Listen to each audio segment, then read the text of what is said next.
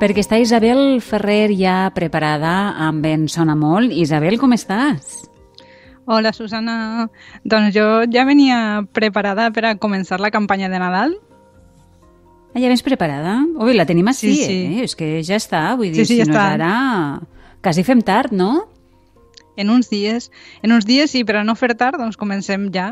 Així que, Perfecte. com sol passar en aquestes dates, el que passa és que com este any és un poc estrany, no? enguany no sabem si, si Mm. passarà, eh, en aquestes dates sempre les, les ciutats s'emplenen no? de, de, de companyies no? de ballet russes que acudeixen a fer un espectacle. I aleshores avui m'he decidit, eh, entorn a aquest tema, a contar-vos, de fet, un, un dels, dels temes que més m'agrada a mi dins de, de tota la, la història de la música, que és parlar-vos Sí. d'una companyia de ballet de fa 100 anys que s'anomena així, ballets russos. I igual en este nom no vos sonen, però si escolteu una de les músiques dels seus ballets, jo crec que, que pot ser sí que vos sonen. Que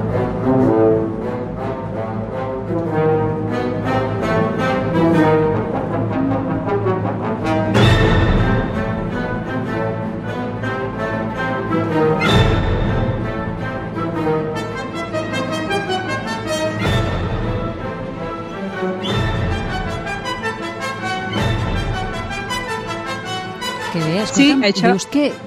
Mm? Has dit que és el, mm, dels teus temes mm, preferits?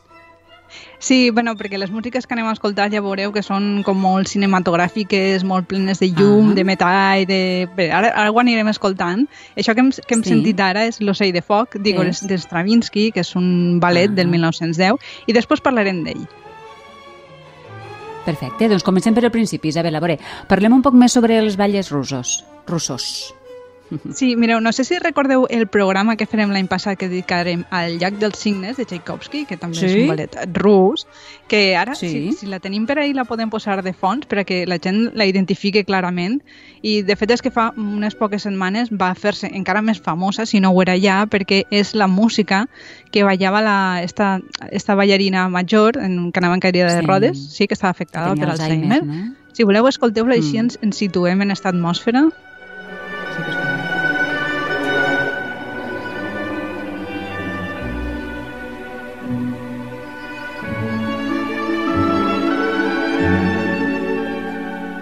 Sí, i ara ve este Ai, moment... Isabel, que se m'han posat tots els perquè... pèls de punta.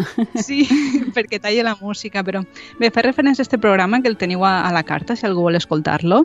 I en aquell, en aquell programa parlarem de la rellevància que va tindre en Rússia el ballet a finals del segle XIX, fins al punt que va passar a considerar-se una espècie de, de patrimoni nacional en què la família del tsar, del tsar del moment, mostrava el seu poder de cara als súbdits. Per tant, des del govern rus es promocionava el ballet i en els teatres de les ciutats més importants hi havia, hi havia en cada teatre una companyia de dansa. I d'una d'aquestes companyies, la del Teatre Marinsky de Sant Petersburg, és d'on neix el germen de la futura companyia dels ballets russos. El naixement de la companyia el deguem a un home, que després seria l'ànima de, dels ballets russos, i el seu nom era Serge Diaghilev. Doncs, eh, a veure, mm, a mi no em sona. No sé si és eh, un nom molt conegut, però per a mi no ho és. No, ja, és, és, és, curiosament és que Diaghilev no era artista en el sentit estricte, o sigui, no era pintor, no era músic, i per tant igual és un nom Mm. ha quedat en, en una segon fila. Eh? Avui dia diríem, per explicar-lo un poc, que, que era un jove emprenedor, un home de món hàbil i espavilat, a qui les circumstàncies del moment podien haver- podien haver-lo perjudicat molt, però per les caramboles de la vida l'ajudaren. Diaghilev era fill d'una família noble i durant mm. la seva joventut s'havia dedicat a tot allò que avui en dia diem gestió cultural, o sigui, haver sigut edit, crític d'art, editor, Sí. organitzador d'exposicions, i si fora avui en dia segurament també seria el community manager, el que porta tota la indústria, el que fa el podcast, bueno, era, era una persona molt hàbil i havia fet alguns moviments que l'havien fet guanyar-se les simpaties del tsar. I per això mateix, l'any 1904, el govern del tsar l'envia a París a organitzar exposicions sobre temàtiques russes en aquella ciutat, que era considerada Mm. la capital cultural d'Europa. Ai, París, clar. Sempre ha sigut eh, el punt important de cultura, no?, i de la vida bohèmia d'artistes. I els interessava també, pel que dius, eh, la cultura russa. Els interessava moltíssim i als russos els interessava París, eh? que era una cosa que ara explicaré. L'interès del públic francès per tot allò exòtic s'estilava molt, els agradava molt.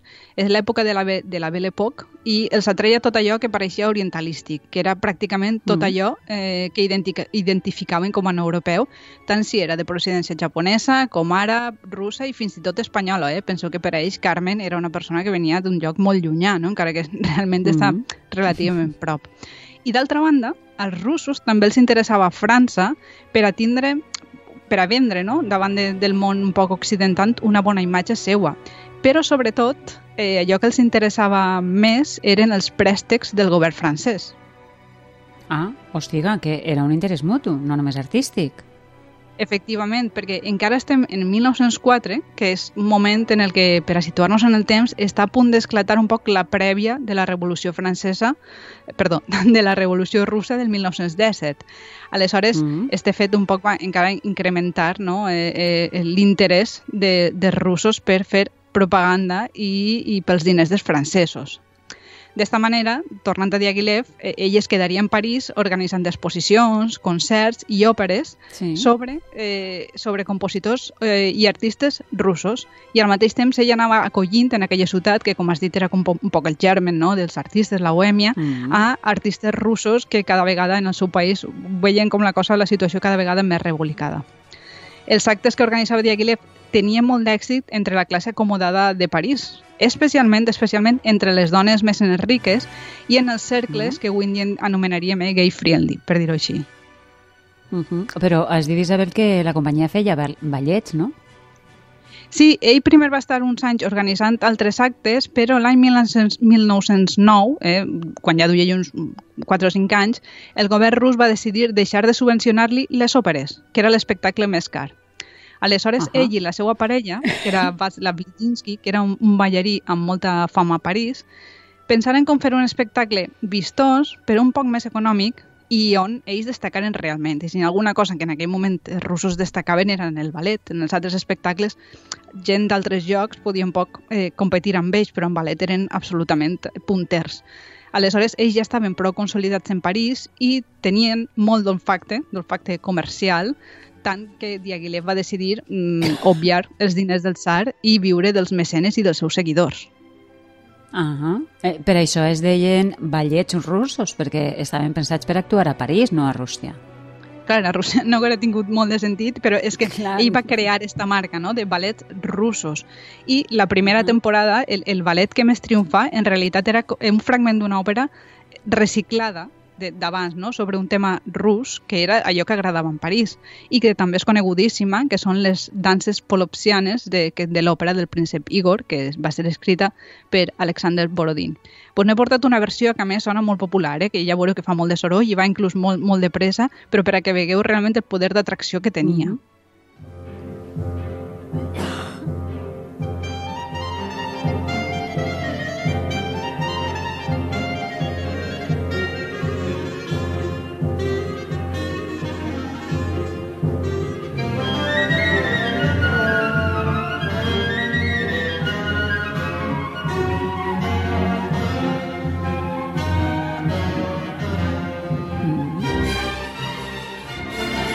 Té un ritme, té el ritme ràpid, efectivament. Sí, sí, això són grans èxits que hem escoltat tots, o almenys la gent que estem més, més prop del món musical, perquè d'això s'han fet versions, s'ha tocat a bandes, mm. i jo suposo que el que ells intuïen, no? El que era el, i confirmaven, era el gust que, que hi havia a París per les coses russes de tipus folclòric, eh? perquè això suposa que són unes danses. I això Diaghilev, sí. com deia, ho va saber intuir i a partir d'aquell moment ja va pensar que no només reciclaria obres antigues d'uns altres, creant la coreografia, sinó que crearia ballets nous, amb música, nous balls i escenografia originals. I en l'apartat de la música, Yagilev també tingué molta vista i sabent aquest èxit no, que tenien les peces russes de compositors russos, va decidir explotar un poc este vessant. I per això va incorporar un aleshores molt jove i desconegut compositor, que era Igor Stravinsky, i obra d'ell són alguns dels primers ballets més importants i més famosos, no? que després estan considerats trencadors i, i, i que feren despuntar a la companyia, com són l'Ocell de Foc, que l'hem escoltat al principi, Petrushka, que també us sonarà el nom, i la consagració de la primavera, que està considerada, sí. com deia, una de les obres capdals del moment i que, si voleu, sentim un trosset.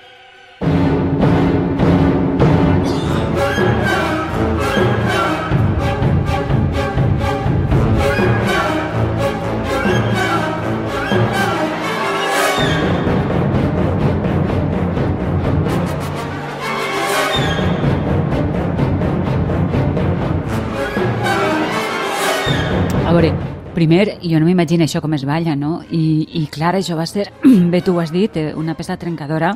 Uh, el públic va quedar mm, flipant, no sé si utilitza bé el terme. Sí, sí, el, el públic és, és un dels grans escàndols considerat així, però jo crec que era part de lo que ells buscaven, no? Pretenia, eh, no? Sí. El, el que pretenien, perquè el ritme és totalment trencat, la coreografia també ho era, els vestits, de fet, no eren gest típics de, de, del, del ballet, que van ser dissenyats per Nikolai Roerich, i, i com s'ha conservat tant la coreografia original de Nijinsky com els vestits, si algú té interès pot posar la consagració de la primavera i pot trobar fins i tot eh, el ballet sencer on, on podrà veure els moviments que realment encara són trencadors avui en dia, no? i este ballet és del 1913. Clar, sí, sí, ho buscarem per descomptar que sí. Clar, dius que va ser tan revolucionari i és cert, i, però la gent del moment, que jo dic, alguns degueren flipar, va ser la majoria que, que els va aparèixer. Sí, parcialment, perquè és, és, és, Diaghilev es va dedicar a envoltar-se de les millors figures de, en tots els àmbits, des dels millors coreògrafs, però també escenògrafs i escenògrafes a l'altura de Pablo Picasso o Natalia Goncharova, que li dissenyaren els tapissos de fons i la roba, i també encarregats de, vestu, de vestuari a l'altura de, de Coco Chanel i molts altres. No? Aleshores, per on van començar les gires arreu del món, i en aquest cas eh, tirarem cap a casa i vos conte breument el seu pas pel, pel País Valencià. Ah, però actuaren així també? Sí, a Espanya vingueren en dues ocasions, el 1914 i el 1918, convidats per el rei del moment, que era Alfons XIII, i aprofitant sí. que Europa estava en la Primera Guerra Mundial, i segons diuen, no, Diaghilev, Nijinsky i companyies se sentiren molt atrets eh, per tot allò típic a l'Espanish, com els bous, els tablaus, els tablaus flamencs, i arran d'això, eh, al poc de temps, van traure un ballet basat en un tema espanyol, que és el Sombrero Tres Picos de Manuel de Falla, que també sentim un trosset breu. Bueno,